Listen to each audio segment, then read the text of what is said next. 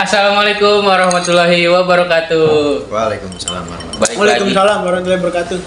balik lagi di observasi episode ke-18. Observasi kali ini gua kedatangan narasumber dari tetangga himpunan kita sendiri. Halo tetangga.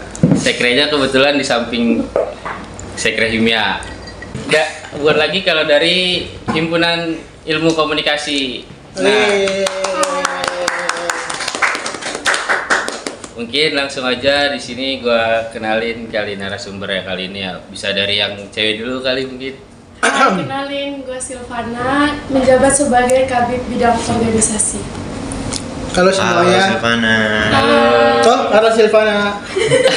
Eh, halo semuanya. Eh, gua eh, Adrian Syarun sekarang menjabat sebagai Ketua Umum Himakom periode 2023-2024. Nah, setelah udah perkenalkan nih mereka berdua, gue juga ditemenin sama ketua umum gue nih dari Himia.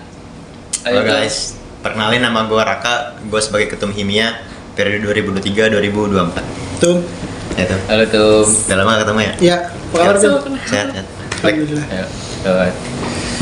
Nah, sebelum gua masuk ke tema kali ini, gua mau nanya kesibukan kalian belakangan ini apa sih bertiga? Dari siapa dulu nih? Boleh dari Himakomnya dulu mungkin dari Silvana.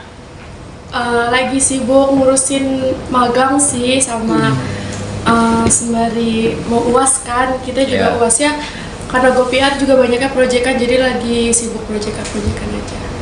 Tapi nggak nggak kerja gitu di luar kuliah nggak ya? Kalau tum tulis Kalau gua sendiri sama lagi apa kayak ngurus buat magang nanti sama preparean UAS sih kemarin udah ngerjain UAS-UAS duluan gitu. Karena gue konsentrasi gue PR kan, kalau anak PR Nah mana boleh kan? Boleh, ya, Iya. boleh. Gua itu sih kayak kemarin eh, ngurus project-project dari mata kuliah sih kebanyakan. Hmm, kerja nggak juga? Kerja Pada kerja apa? kerja insya Allah semester selanjutnya ntar kerja. Tapi gua denger-dengar dari Himakom udah ada yang sempro gitu-gitu ya? Itu mah kalau dari mat kuliah atau dari gimana sih maksudnya? Nah itu gimana tuh? Kalau untuk yang sempro itu emang kan kebetulan kaprodi kita kan dari advertising. Nah, dari advert itu emang ada uh, privilege lah untuk sempro duluan karena kan langsung dipegang diambil alih sama kaprodi dan sekprodi kita gitu. Ya kan Jadi ada Ilkom itu kan dibagi tiga konsentrasi ya. Apa aja tuh? Ada PR, advert, sama broadcast. Biar itu apa? PR itu public relation. Oh. Jadi lalu ruang lingkup public relation tuh lebih ke apa sih keluar lu jadi jadi humasnya Indonesia, jadi humasnya presiden juga bisa itu PR. Kayak keluasan deh itu. Oh, Hah? emang. Nah, jadi kalau misalkan PR itu lebih ke humas. Jadi setiap Iya. perusahaan atau korporat itu pasti punya humas untuk kayak Oh, menangani iya, iya, isu iya. perusahaan. Misalkan perusahaan punya bad news atau apa itu anak PR duluan yang maju. Jadi PR itu jembatan antara direksi sama masyarakat. Nah, terus kalau advertising itu lebih ke manajemen periklanan. Kalau broadcasting penyiaran gitu sih. Udah itu aja bedanya. juga ya. Kalau lu sendiri tuh Kalau kesibukan lu apa nih belakangan ini? Ngurusin Himia dong Enggak Ya selain gue ikut eh, organisasi di Himia selaku menjabat sebagai ketua umum Gue juga lagi mempersiapkan untuk KKN nantinya dan juga untuk magang di semester depan dan tentunya ketika gue mengurus organisasi juga di weekend gue sempatin untuk side job lah freelance gitu wedding organizer Anaknya wedding banget itu. Iya, jadi kalau tetangga lu, saudara lu, Oh. Boleh, boleh. kan bisa bantu Jadi, vendor jadi bisa Ya, bisa nanya nggak sih? Bisa bisa. Kan ngomongin kan job lu kan apa? Tadi? Wedding organizer. Wedding itu ceritain dong kok bisa masuk kan sedangkan lo kan anak apa Admin, nih nah. gitu Jadi buat Karena teman-teman yang yang mau Iya. jadi wedding nih nomornya di sini. Gak ada, gak ada. Itu gue bisa editor gue. sorry, sorry. Gak ada, gak ada.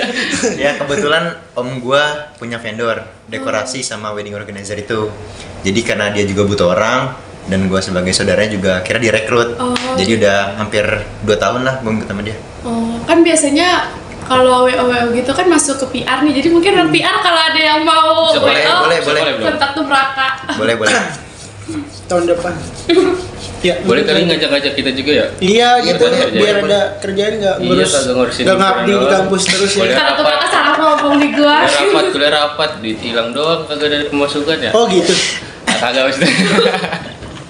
Betul kesannya gitu ya. Nah, udah kita udah tahu nih kesibukan mereka belakangan ini apa. Mungkin langsung aja kita masuk ke tema.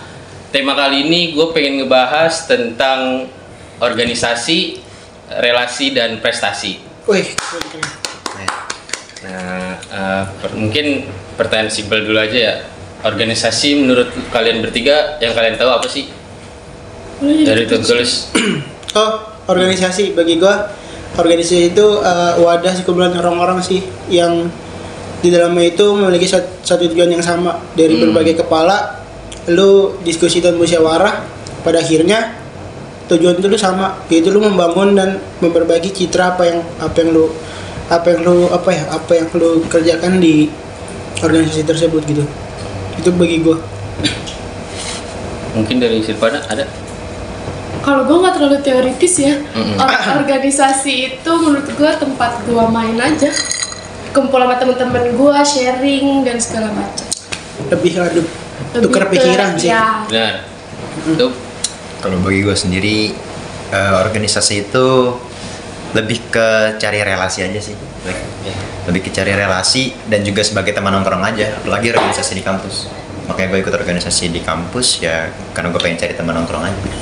Sembari kuliah, sembari cari relasi, sekaligus nambah wawasan juga lah gimana yang kita rasain selama Iya. organisasi. biar nggak jadi kupu-kupu amat Ya. benar nggak seru juga kalau jadi kupu-kupu. pusing kalau pulang pulang terus belajar pulang belajar doang kan. Iya. Template banget ya. Iya. Orang-orang kayak kita ya. otak kita nggak sanggup untuk ke sana bro Karena kan ilmu didapat bukan dari pembelajaran. Iya Betul, betul. betul, betul. Kita ngobrolnya dapat ilmu. Iya, kan. aja dapet ilmu. Makanya kadang orang kalau mikir kayak nongkrong cuman buang-buang waktu tuh enggak banget Nah, gitu loh. nggak sepakat gue berarti dia nggak pernah nongkrong Nggak pernah, berarti Betul. dia orangnya introvert. Iya. Siapa Kayak tahu kayak kalau rapat terus nongkrong lagi nyari job, eh gue nawarin WO nih. iya betul. iya kan bisa, kan jadi manfaatkan tongkrongannya Betul, kan. betul, betul. Masuk lagi ke WO ya ternyata. ya. Promosi dikit so selling. Nah kan dari organisasi dari tema kita kali ini kan kayak eh ya, maksudnya kayak kayak ngalur gitu maksudnya dari organisasi Iya. kita mendapatkan relasi dan kita pasti di dalam organisasi juga punya prestasi gitu juga. betul betul. Nah gue juga punya eh gue bukan punya sih gue mau nanya dulu sih bener, eh, di Himakom itu kalau dari Himia kan kita mempunyai beberapa departemen di dalamnya. Kita punya enam organisasi nanti bisa dijelasin mungkin ya kalau kalian mau nanya gue pengen nanya sih dari Himakom di per departemennya ada apa aja dan berapa gitu? Ada berapa departemen? Oke kalau dari Himakom itu punya empat. Satu itu bidang pengadilan dan organisasi bidang dua itu sumber daya anggota bidang tiga itu kajian strategis bidang empat itu hubungan sosial masyarakat eksternal dan internal. Nah nanti kalau lebih jauhnya mungkin itu kan gue sebutin kan Ya. ini tupoksinya atau itu bakal jelasin sama Oh, teman gue tupoksinya juga. Vaksinnya boleh kasih tahu bidang satu itu ngapain karena kan gue juga nggak tahu beda Jadi kalau misalkan di Himakom itu ada dua bagian nih, Heeh. badan pengurus harian Iya. dan badan pengurus bidang. Jadi kalau misalkan badan pengurus harian itu setiap apa pun yang Himakom lakukan, badan pengurus harian harus hadir. Nah itu petum, sekum sama Oh, bendum. Nah kalau misalkan badan uh, pengurus bidang itu tuh bidang satu, bidang dua, sampai bidang empat itu. Hmm. Cuman kalau secara tupoksi bidang satu itu lebih ke manajemen organisasi dan mm, pengkaderan. Jadi benar-benar kita ngurusin internal dan eksternal eksternal eksternalnya itu lebih ke uh, komunikasi atas bawah gitu loh jadi emang uh, apa ya bahasanya tuh manajemen organisasinya lah mungkin di Himia juga ada kan kalau su- kalau bidang dua sumber daya anggota dia lebih ke pengembangan di Himakom tuh anak-anaknya anggotanya punya potensi apa? Itu dikembangin oleh bidang dua. Jadi ibarat kata Minat bakat bidang ya. iya bidang satunya pembuka gerbang bidang duanya pengolahan. Hmm. Nah, lebih ke soft skill.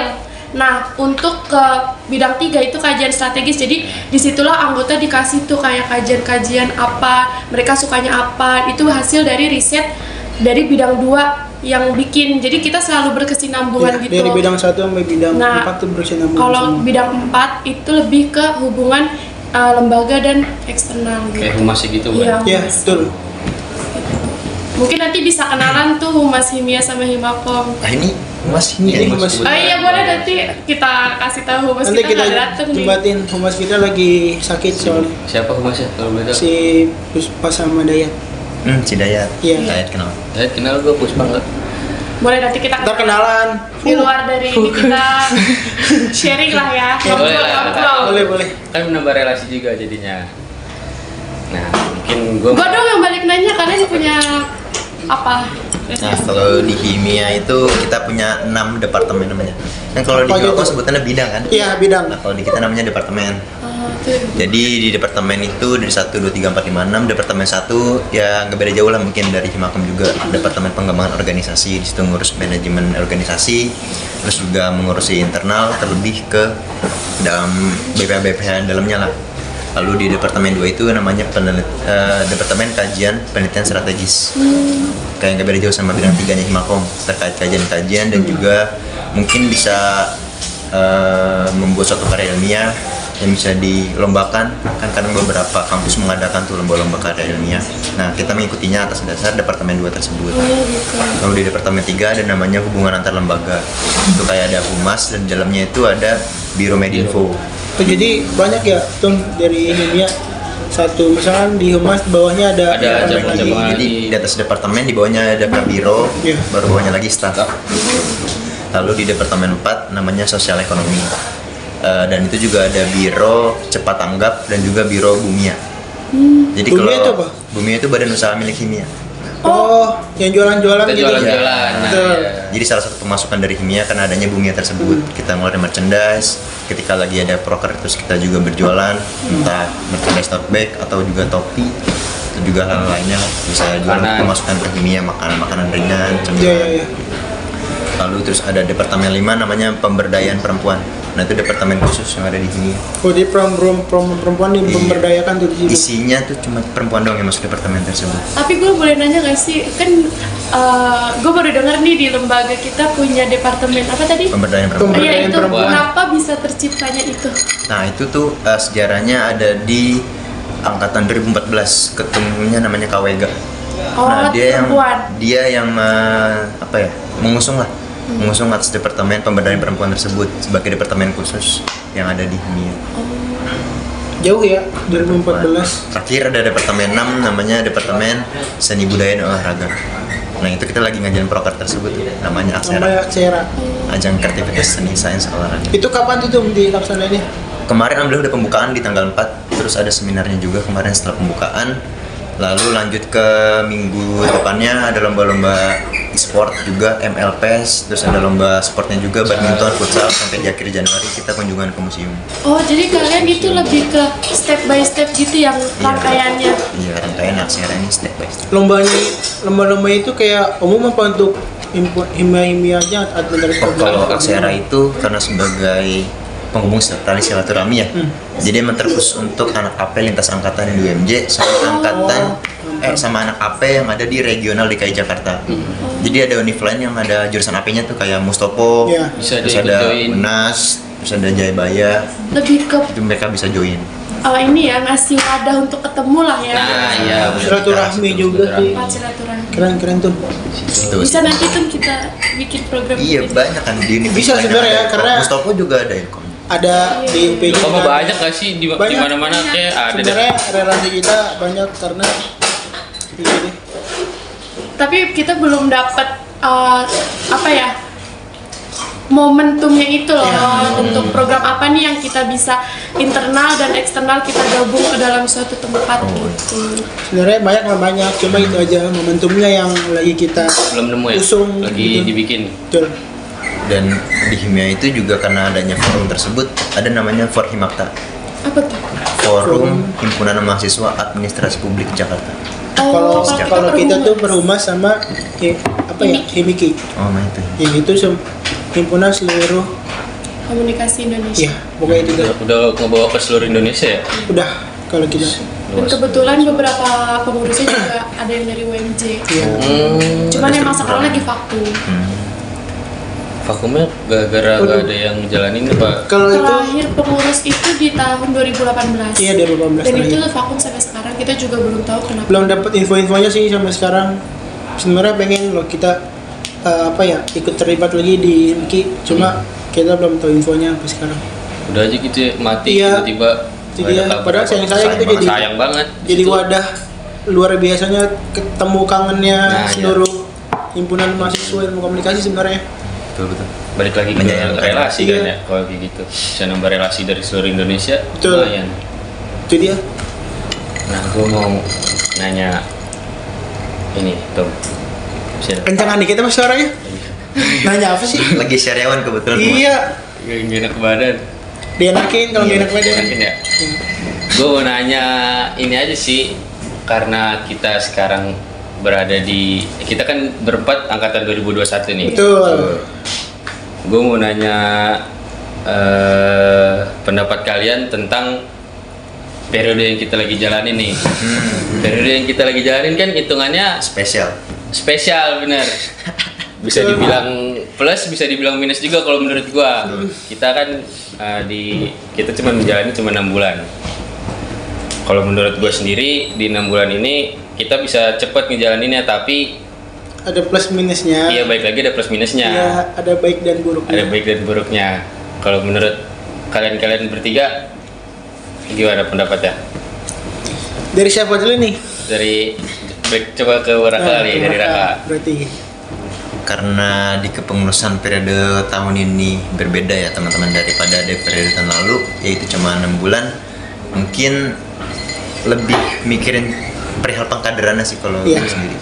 Dan kaderisasinya Sepakat. karena mau bagaimanapun kan kita di sini juga ikut bantu membimbing angkatan di bawah kita kan. Angkatan 22 juga angkatan 23 karena dikhawatirkan ketika nantinya program pengkaderan yang kita bikin untuk angkatan 22 dan juga 23 ini kurang akan berdampak ke periode selanjutnya. Itu dia tuh takutnya kurang persiapan atau kurang cukup matang dalam menjalani kepengurusan nantinya setelah kita nama juga kan regenerasi dari mereka terciptanya habis setelah kita lengser ibaratnya kita jadi demisioner jadi dewan penasihat jadi angkatan 22 yang naik angkatan 23 juga naik. Ya itu yang dikhawatirkan. Takutnya kurang cukup matang aja gitu dalam menjalaninya. Jadi tapi mau bakal gitu. bagaimanapun kan makanya dalam enam bulan ini semaksimal mungkin kita menciptakan pengkaderan yang baik untuk proses mereka juga nanti ke depannya. Gitu sih kalau. Berarti dari lo itu kayak lebih fokus ke mengayomi angkatan-angkatan bawah gitu ya, mengkaderisasi ya. betul Biar bisa kayak ngebawa nama himpunan kita juga biar pada bisa Betul. masuk gitu. Boleh mungkin dari Tum Tulus? ya eh, berbicara tadi enam bulan kalau bagi gua sama kayak itu mereka sih urgensinya itu eh, the next the next apa ya the next periode lah angkatan 22 sama 23 nya nanti kalau misalkan kita ngasih pemahaman yang baik dan benar terhadap organisasi di, kela- di kelembagaan mungkin dia bakal kaget gitu. Makanya di enam bulan ini kita sama-sama fokus untuk ya membangun pondasi di 2002 ini untuk nanti dia menjadi pengurus gitu. Dikasih kebanyakan sih kegiatan kalau gue sih kayak lebih masuk ke person to person sih kayak ngasih pemahaman segala macam itu sih urgensinya kalau dari gue 6 bulan ini? Kalau minum. Ah, udah. Jadi minum. udah minum Dari gua lebih ke mungkin susah di manajemen timeline di kepengurusan ya karena kan balik lagi gue bidang satu gue bidang organisasi yang ngurusin tentang timeline dari setiap Ya, broker ya. seluruh bidang gitu itu sih kesulitan gue gitu dan uh, pengkaderan kayak sekarang sih gue lagi menerapkan walaupun dari awal kita udah tahu nih uh, enam bulan ini Ya. sempit banget Hmm, benar. gue harus gue harus eh, apa ya menciptakan anak-anak yang emang harus siap lu siap nggak siap mereka harus menjabat Betul. karena kalau enggak himpunan lu mau mati Iya. gitu loh jadi sekarang yang gue lakuin sih lebih ke ngasih pemahaman tentang pengkaderan itu apa organisasi itu apa dan himakom itu apa lebih ke arah situ jadi mungkin dengan grand design ketum juga kan lebih ke pengkaderannya kan yang diutamain gitu karena ngelihat dari periode kita yang spesial sangat spesial ini gitu. yang ngap dan banyak banget dramanya Banyak. Banyak Kalah drama. ya drama Korea Iya. juga. Apa drama him- himpunan? kadang kita kita juga apa ya kayak ngebedah ADART kadang kan anak-anak sekarang kan masuk kelembagaan kayak ya udah gue ikut aja tapi Iya. dia nggak tahu di makna tujuannya. di makna tujuannya itu itu apa sama di dalamnya ada ada aturan yang sudah dibuat oleh orang-orang dahulu lah. Makanya eh, anak-anak sekarang tuh gua sama Silvana sama teman-teman yang lain lebih itu sih kayak apa sih kayak ini loh ADRT ini loh aturan yang kita punya. Dari ADRT kita punya GBH loh. Ini loh langkah kita langkah Himakom. Ya gitu sih. Biar nanti dia oh langkahnya kayak gini nih paham nih punya punya pondasi awal sih Mm-mm, dia betul. buat uh, melangkah lebih jauh lagi buat nanti jadi BPH. Ntar kalau dia tiba-tiba, eh gue jadi BPH nih, kaget, dia, Kaget. kaget ya kan. Kaget. Kita dia- aja yang setahun aja Mm-mm. kaget gak sih tiba-tiba udah Tiba-tiba udah menjabat. jabat. Iya, tiba-tiba- Iya kan? tiba-tiba ketum.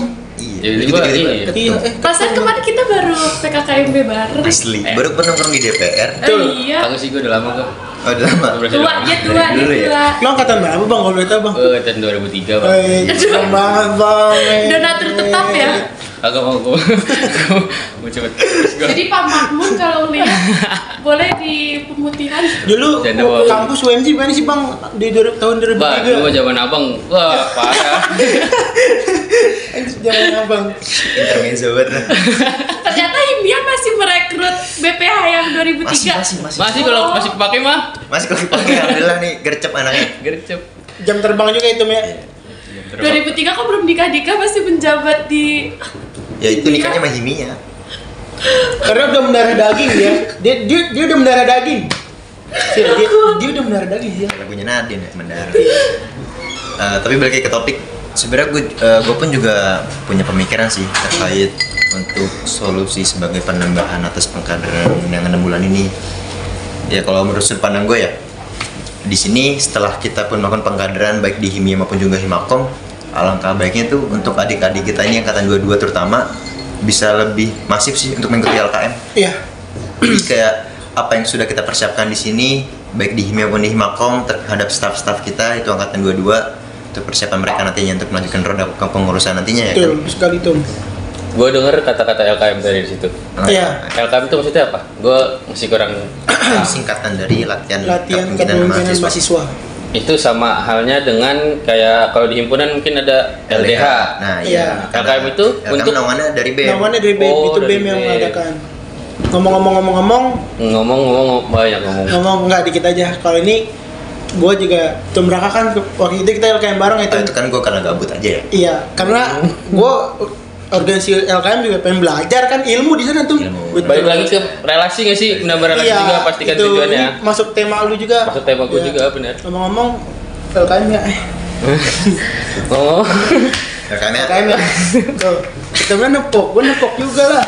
Gini ini yang debut layarnya angkatan dua-duanya nih. LKM aja dulu. Ya, kayak Iya. kayak Eh untuk angkatan 22 jangan lupa LKM karena Heeh. LKM seru tuh banget.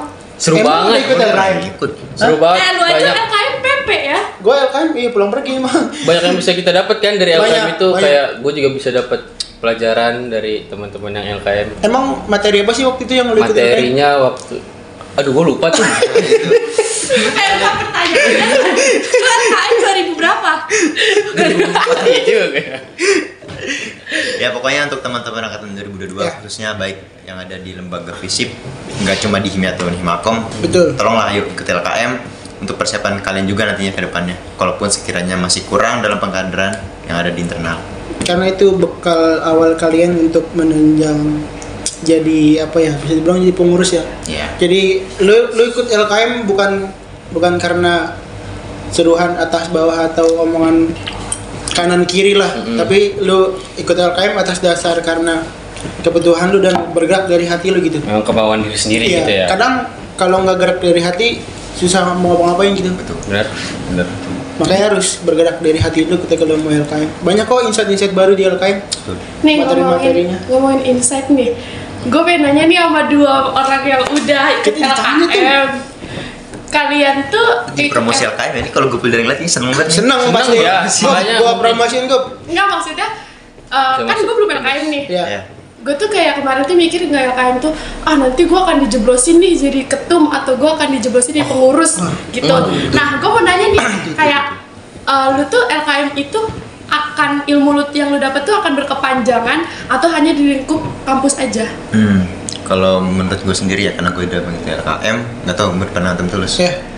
eh, sebenarnya adanya stigma untuk dijorokin itu tuh yang masih dijauh-jauhin sih jadi eh, mungkin kalau dari gua kenapa makanya LKM tuh dikit yang ikut karena stigma pandangan orang yang lain sih Betul. jadi paradigmanya udah main nih Iya. yang ikut LKM bakal jadi ketum nah itu yang mesti dikurangin sebenarnya padahal tujuannya untuk LKM kan ya kita nambah wawasan nambah pengetahuan juga apalagi di situ banyak materi-materi yang sekiranya belum pernah dapat di himpunan masing-masing Betul. Berarti bisa untuk berkelanjutan nggak Tentunya hanya untuk di berkelanjutan. mahasiswa lah ya. Iya. Itu pesen buat Gup Wildan, tolong dikasih kajian tentang LKM. tolong Iya. yuk, yuk biar masif yuk Soalnya biar Dan- biar eh, Biar stigma itu tuh 2003. Apa pencet? Lupa, Kan gua 2003. banget. Bang beda ya tolong ya dan gua Karena untuk menghilangkan stigma itu kita nggak bisa dari dari yang udah-udah ikut LKM aja sih. Kalau dari gue nih, sudut pandang gue. Jadi kalau stigma itu dihilangkan, ya ayo kita bergerak rame-rame, kita bergerak sama-sama. Bukan ikut LKM itu bukan apa landasan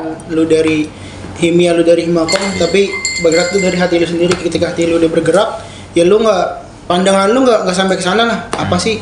gue ikut LKM, orang-orang bilang gue mau jadi ketum, mau jadi ketum. Enggak lah, bagi gue Iya. LKM dulu ya gue mau belajar karena di situ banyak materi yang berkepanjangan yang lu bilang tadi banyaklah materinya Hmm, iya. ya walaupun niat keduanya juga buat yang jadi ketum kan gue nggak nggak tahu jadi ketemu apa jadi grup apa apa sabep gua udah bikin kejauhan Black ngomong nih. Eh, tapi kalau yang gue tahu nih di Himakom di ADRT tertulis ya. Iya, itu- Kalau syarat jadi ketum itu harus itu LKM. tertulis. Ada di ADRT itu persyaratan ketua umum pertama jadi bertakwa kepada Tuhan Yang Maha Esa. Amin. kedua kemanusiaan yang adil dan beradab. iya ketiga persatuan ini. Banyak sila dong. Beda. Itu persyaratan salah satu persyaratan tuh. untuk di Himakom. untuk di Himakom yaitu LKM karena biar berarti kalau misalkan ada yang mau jadi ketua umum di Himakom harus ngikutin LKM dulu Iya. ya? Jadi di Himakom nggak bisa kita eh nggak bisa sih uh, peraturan yang mengikuti kita, tapi kita harus mengikuti peraturan. Gitu. tapi kan orang Indonesia peraturan itu buat dilanggar biasanya Jadi bener apa salah? Lanjut Nah, aja ini gue punya ya. pandangan sendiri nih terkait itu. Ah, Karena coba. kan di Himia kan emang nggak tertulis ya untuk di ADRT-nya sebagai syarat ketum harus mengikuti LKM. Hmm. Tapi track record dari ketum-ketum sebelumnya, ketum-ketum sebelumnya itu telah mengikuti LKM. Jadi track record aja gitu stigma di internal kita mungkin ya. Oh iya iya. Eh, orang yang mengikuti LKM akan naik jadi ketum. Hmm. Gitu. Padahal Oh. mah seharusnya enggak karena emang pure gue ikut LKM kemarin juga untuk cari relasi aja kok. Betul, belajar. Nambah wawasan aja nambah belajar. Bisa daripada juga di rumah kebetulan di tahun itu juga nggak ada kegiatan, ya Iya. udah ikut LKM mumpung gratis. Iya sih, gue bener-bener salah satu apa ya rin- rintangan gue lah untuk ngapusin stigma itu loh. Nah. Karena kan kita udah rekrutmen LKM bukan sih? udah udah Udah kan? Sudah. Nah, gue nggak tahu ya kalau di Himia ada uh, kendala apa untuk teman-teman LKM. Tapi kalau di Himakom sendiri tuh stigma itu masih gede banget. Iya, karena jelas tertulis di DRT Iya. kalian. Makanya stigma untuk LKM naik jadi ketum sangat di mana-mana. Iya makanya dia yang gue bilang kita harus bareng-bareng. Gak yang nggak bisa nggak bisa satu bisa dua kasih edukasi terkait LKM. nggak bisa satu dua orang Tolong doang nggak sih? disampaikan dari Himia. Iya, nanti saya sampaikan ke abang. Kan ngejalaninnya bareng-bareng Ya makanya stigma itu harus kita hilangkan bergeraknya bareng dengan satu atau dua orang doang. Karena kalau percuma kalau satu dua orang yang bergerak itu doang, lu masih kalah. Tapi ketika lu beramai-ramai dan bergotong royong, Hmm. semua itu Nah. bakal bakal hilang gitu stigma-stigma seperti itu. Hmm, jangan dari apa ya dari dari lembaga-lembaga yang ada di bu- bukan dari Himakom sama Himia dong tapi Iya. Sevisi lah. satu lembaga lah. lembaga ya gimana caranya bisa menghilangkan stigma itu untuk bahwasanya kalau lu ikut LKM lu bakal jadi ketum. Itu harus kita hilangkan bareng-bareng. Tuh. Karena mungkin sudah terlalu banyak paradigmanya yang beredar. itu dia. Nah mungkin langsung aja kali. Gue gue punya beberapa pertanyaan nih yang udah gue tulis. Jangan banyak-banyak ya. Dikit kok nggak banyak. Banyak pertanyaannya juga nggak terlalu berat lah untuk orang-orang seperti kalian mah orang-orang yang sudah mempunyai lah kan lu sepuhnya gue kan rendah dulu ini oh, iya. Mungkin dari pertanyaan pertama dulu nih, gue punya pertanyaan eh, tujuan masuk tujuan kalian untuk masuk organisasi itu apa? Dari Raka, bisa tuh Raka. Kalau dari gue pribadi tujuan gue masuk organisasi seperti yang tadi gue jelasin di awal ya teman-teman. Gue ikut organisasi sebenarnya karena gue ngisi waktu luang aja. Hmm. sebenarnya pure gue selama di SMP maupun di SMA tuh gue nggak ikut osis nggak ikut organisasi apa pun. Bener-bener pure pas masuk Baru di kampus, kuliah nih di kimia. udah langsung masuk organisasi. Kebetulan sebelum masuk kimia gue pengkaderan dulu di HW bareng temen tulus juga sih, kebetulan satu angkatan. Pasti di? Kelas HW setelah dari kelas HW langsung ke kimia. Keren jadi ya, bener-bener Bang. pure masuk organisasi ya bener-bener buat nyari teman Ah. ngisi waktu luang dan plusnya tuh ya alhamdulillah sampai sekarang udah bisa jadi ketua umum dapat ilmu-ilmu lah yang cukup bermanfaat bagi gue sendiri ilmu beda oh ilmu. beda dari tuh. Eh, shit, shit. Eh, sorry sorry gempa ya kalau dari gua gua dari dulu udah udah terjun untuk ber- berorganisasi Hmm. dari gua umur pertama kali gua terjun organisasi itu umur 17 tahun yaitu di Karang Taruna karena Dulu- karena rumah Iya, dulu sampai sekarang gua masih aktif di sana. Dulu gua eh, dulu gua jadi tukang foto-foto doang. Dulu tuh gua foto-foto iya setiap kalau dibilang sekarang apa PDD ya? PDD, Iya. Popdekdok. Iya, dulu gua kayak gitu doang, ikut-ikut doang nih foto-foto segala macam kan nggak tahu tuh eh, divisi-divisinya. Terus makin itu gue selalu ngikutin kan karena di karantina juga, juga ada kayak diklat atau latihan Iya, mm. nah di situ gue mulai paham lah terus dari situ gue ber- memberanikan diri. Gue udah punya basic nih di Karang Taruna. Gue sedikit tahu lah dari materi-materinya. Terus gue sedikit memberanikan diri di SMA gue menjadi ketua osis. Hmm. itu gue karena kalau dibilang organisasi itu sama aja kayak ini ini gue nih ini organisasi nih sama gitu bebarengan oh jadi kalau gue mendefinisikan seperti sih kayak organisasi ya lu lu ntar dunia kerja lu ntar magang pasti ada sih? ada apa ya? Di balik itu ada goals goals organisasi Ya. di dalamnya. Terus sampai sekarang gue berprosesnya di UMJ sama dari awal sama mereka gue di HW dan satu periode kita di sana ya tuh satu periode. Iya, gue ngambil banyak pembelajaran lah. Terus gue mengembangkan sayap gue, gue naik ke gua ke himpunan gue sekarang gue jadi ketua umum. Gitu sih kayak organisasi tuh luas banget di kehidupan. Relasi lu dapet, networking lu dapet, prestasi juga dapat prestasi dapet. jadi Ya itu tema lu ya, sesuai tema lu sih. sesuai tema kan benar Betul. lu mengikuti organisasi Iya karena ya emang organisasi itu kayak gitu sih bagi gue. Tapi sebelum itu gue melakukan ini dulu sih, gue melakukan apa ya cinta terhadap organisasi gue. Ketika lu nggak bergerak, ketika lu ketika lu nggak cinta, lu lu melaksanakan itu dengan paksaan, dengan nggak sesenang hati lu. jadi terbebani Iya, lah gitu yang Sebelum lu masuk organisasi, usahain usahain dulu aja lu cinta sama organisasi lu dulu. Ketika lu udah ber- ketika lu udah bergerak, lu bergeraknya dengan dengan atas atas nama cinta dalam organisasi tersebut.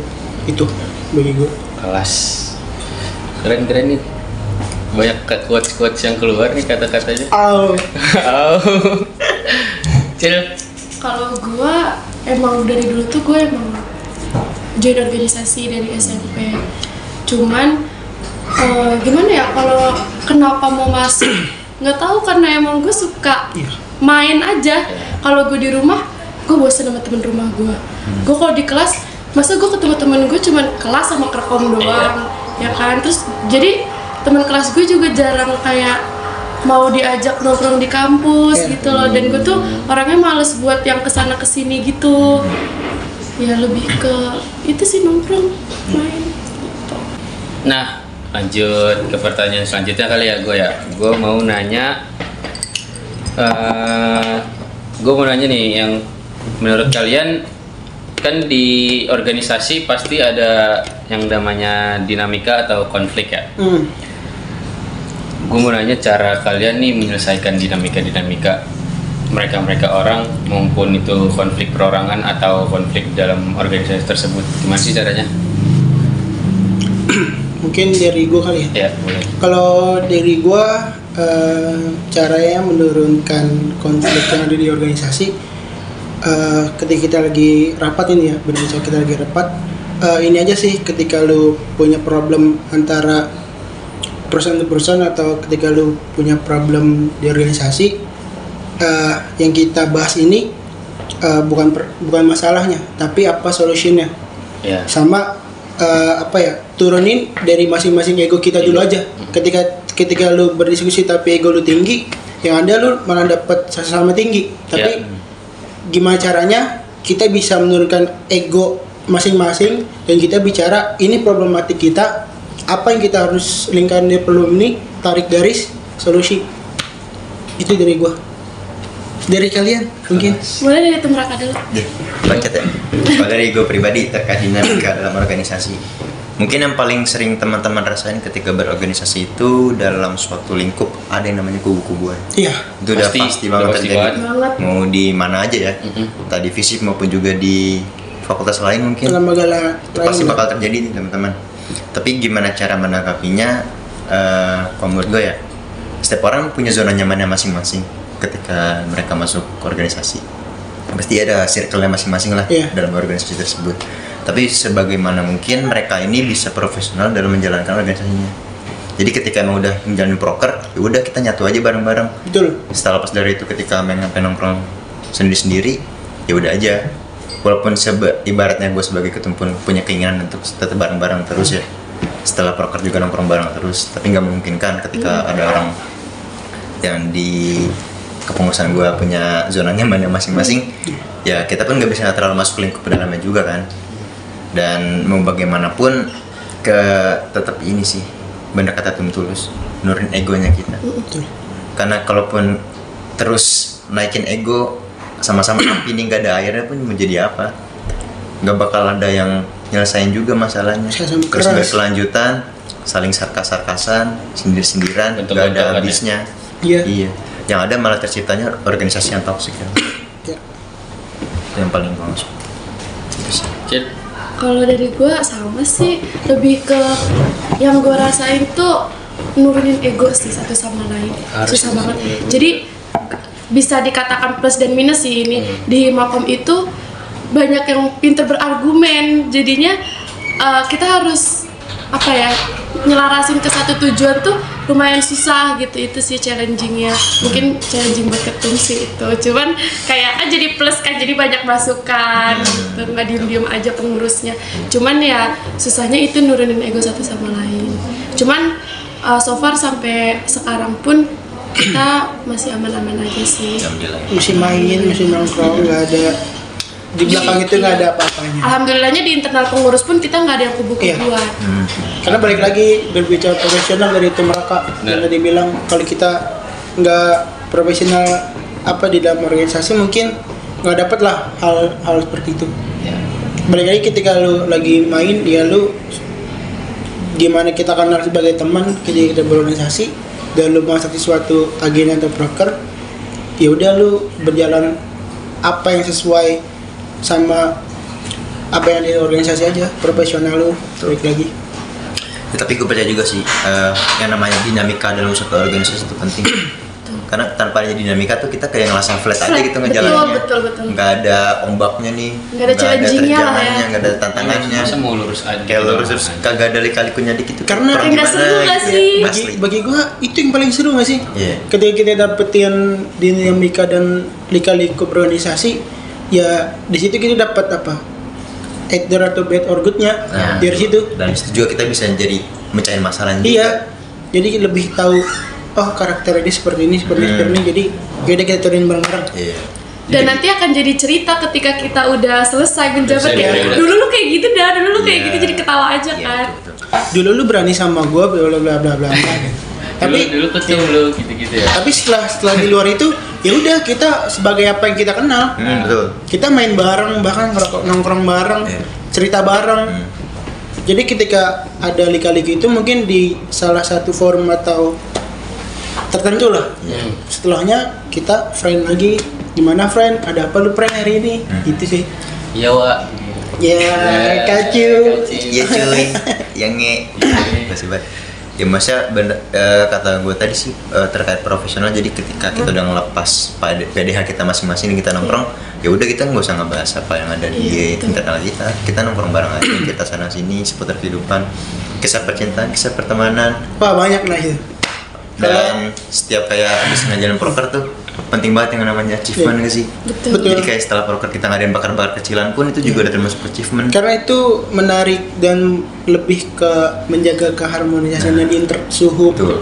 dan appreciate juga sih Iya. entah, entah dari pengurus ataupun dari Hmm. mereka-mereka yang panitianya kan jadi eh, chemistry-nya insya Allah makin dapat lah itu dia kebersamaannya pedulian juga bisa masuk kadang kalau lagi nongkrong di luar juga bahasa kita banyak itu. Betul.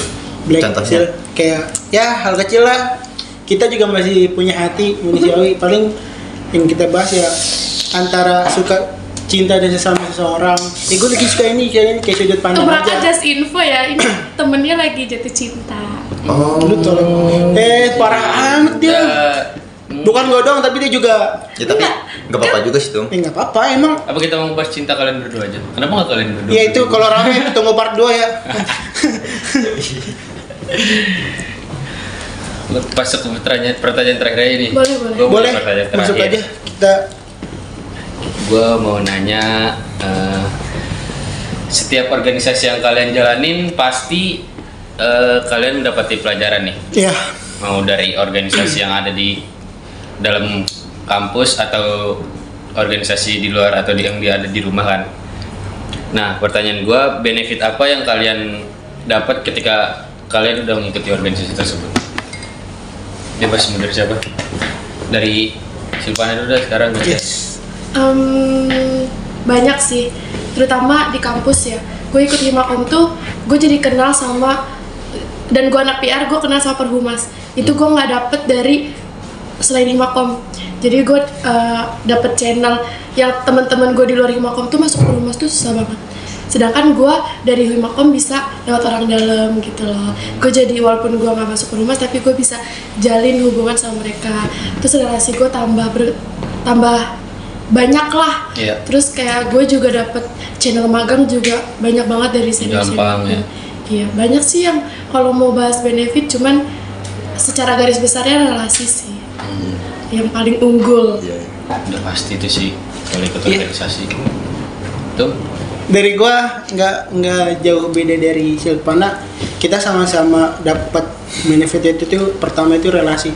Karena bagi gua relasi tuh paling kencang lah benefitnya. Karena banyak orang bilang bukan seberapa banyak apa ya tak seberapa banyak orang yang lu jumpain tapi seberapa banyak tangan yang lu jabat tangan. Dari situ lu dapat oke. Goks. dapat apa ya kayak lu punya jaringan luas lah dari lu jabat tangan sama teman-teman yang lain lah relasi yang lain jadi your network is your net net network kalau nggak salah deh Oh. oke itu dah. your network it's your network Gak bisa bahasa Inggris. Karena kan bocah biar harus bisa bahasa Inggris Oh iya. gue juga baru belajar sih semester 5 bahasa Inggris Gak apa-apa, gak ada salahnya belajar. Iya. Gue juga belajar sebenarnya di admin, tapi semester berapa tuh? Tujuh. Tujuh apa? Sekarang baru semester lima. Katanya udah sepuh karena semester satu ya. Mata kuliah emang ada kita di semester 2 Tapi gue sempat ada. ya banyak relasi yang gue dapet dari dari organisasi dari sebenarnya ketika lu datang nih lu nongkrong terus tiba-tiba ada aja kayak eh gue ada ada event nih di sini ada kerjaan lu mungkin mau itu kan salah satu meninjang hidup kita ke depan kan. Nah itu dari relasi lu kenal sana sini terus channel lu makin banyak jaringan lu makin luas net- networking balik lagi berbicara networking. Itu dari gua. Nah kalau dari gue pribadi terkait benefit gue ikut organisasi eh yang tadi gue bilang gue yang dari sebelumnya nggak bisa ngomong depan umum gue yang orangnya pemalu gue yang nggak mungkin terlalu eh, sering kenal sana sini atau orang-orang luar. Jadi pas gue masuk ke kampus dan gue langsung ke organisasi ya gue mendapatkan hal itu sih teman-teman. Nggak tahu kenapa ya Iya. kayak langsung wah aja gitu. Dan apa yang gue dapat di organisasi organisasi tersebut langsung gue terapin di gawean gue Iya karena karena kan nggak beda jauh ya kalau WO itu kan juga iya Harus bisa kita harus ngomong banyak ya. orang Sangkut paut dengan banyak-banyak orang ngomong banyak ya. sini dan semacamnya lah. apalagi ketika di hari H tersebut ada kendala nah itu dari apa yang kita udah belajar di organisasi dalam problem solving Iya. kita bisa terapin di situ Jadi dunia pekerjaan lebih gila lagi nggak sih? Lebih luas lagi, lebih luas ekstrim lagi. Karena kalau gue bilang di di organisasi itu jadi template lu buat nantinya. Buat nanti lu ke depan. Iya. Jadi lu belajar dari dasarnya dari awal. Ketika gua kita ke gua di organisasi gua dapat fase ini nih, dapat kayak gini, dapat kayak gini. Ketika gua di, di atas terus kayak orang atasan lu kayak ngatain gua segala macam ah, bukan kayak kayak dari diri gua sendiri gua pernah dapat itu di bawah. Gua udah gua udah gak kaget. Itu. Karena emang nggak ya kan yang kita ngejalanin organisasi kan nggak profit lah. Hmm. tapi benefit itu. Dan gue percaya itu jadi apa pun itu nanti hasilnya insya Allah akan berdampak sih ke depannya walaupun ya kita ikut organisasi di kampus kita buang-buang waktu. Dibilang buang waktu iya. Buang-buang tenaga iya. Terkadang malah kita buang-buang uang karena kita belum Iya. kembali kampus. Tapi ya kita ibaratnya investing aja. Investasi dulu aja. Walaupun kita dapat yang secara profitnya insya Allah nanti ke depannya bisa dapat benefit Nah, dari inti pembahasan yang udah kita uhuy Uhuy. Belum spontan. Belum spontan. Oh, iya. Uhuy. lu spontannya boy. Udah gue closingin dulu nih ya. iya iya silakan silakan Nah dari omongan-omongan tadi yang udah kita bahas bersama narasumber kali ini, gue bisa menyimpulkan kalau kita ikut eh, ingin ikut organisasi itu nggak usah nggak usah banyak mikir gitu ya. Iya, tergerak dari hati Bergerak dari hati. Ketika kita ingin mengikuti organisasi, kita juga harus cinta dari organisasinya kata Tim Tulus. Dan benefit yang kita dapat dari mengikuti organisasi itu kita bisa mendapatkan relasi dari banyak orang ya kan. betul Dan di organisasi tersebut pasti juga kita menghasilkan yang namanya prestasi. Nah, mungkin itu udah kata-kata terakhir dari gua bisa apakah ada mau masih pesan dan kesannya atau pesan-pesan terakhirnya? Ladies Ujung first. kanan. dari ujung kanan? yes first. ladies first. Eh, semangat terus. Udah. Ah oh, Masih dong, sil. terus. Semangat Terus, terus terus. Semangat. Gue udah nunggu pada Eh, kelola kelola ekspektasi kenali batasan diri. Eh, nggak perlu lu terlihat sempurna di mata orang lain tapi jadilah sempurna untuk diri lu sendiri itu aja sih pesan gua memang megah banget nih ketemu satu ini. yang dia suka quotes quotes of the day gitu orangnya gua suka Ya. gua sukanya jangan lupa di suka baca highlight tadi Tunggu kabar berikutnya mungkin ngisi 01 sih dia. Iya. eh sembarangan enggak enggak enggak enggak enggak Ya closing statement dari gue pribadi untuk teman-teman semua. Eh, untuk teman-teman yang sekiranya ingin baru ikut join organisasi jangan ragu-ragu dan juga jangan sungkan. Ikuti sepenuh hati berkata tulus tadi dengan cinta organisasinya. Karena gue pun menerapkan di pribadi gue sendiri lebih baik tidak usah sama sekali daripada setengah-setengah. Sekian sih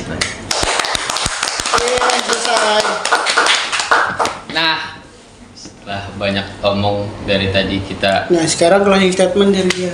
Kan gue udah tadi awalan di Ya. apa tuh pesan pesannya Oke, kalau Ya, itu tutup. mau lu. Pesan dari gua terakhir jangan takut untuk mencoba, hilangkan rasa takut. Semangat. Oke, oke, oke, goks, goks. Mungkin cukup sekian observasi kali ini. Gua Black pamit undur diri. Saya Raka pamit undur diri. Saya tulus pamit undur diri. saya Silvana pamit undur diri Wassalamualaikum warahmatullahi wabarakatuh. Terima kasih Tung. Terima kasih Sil.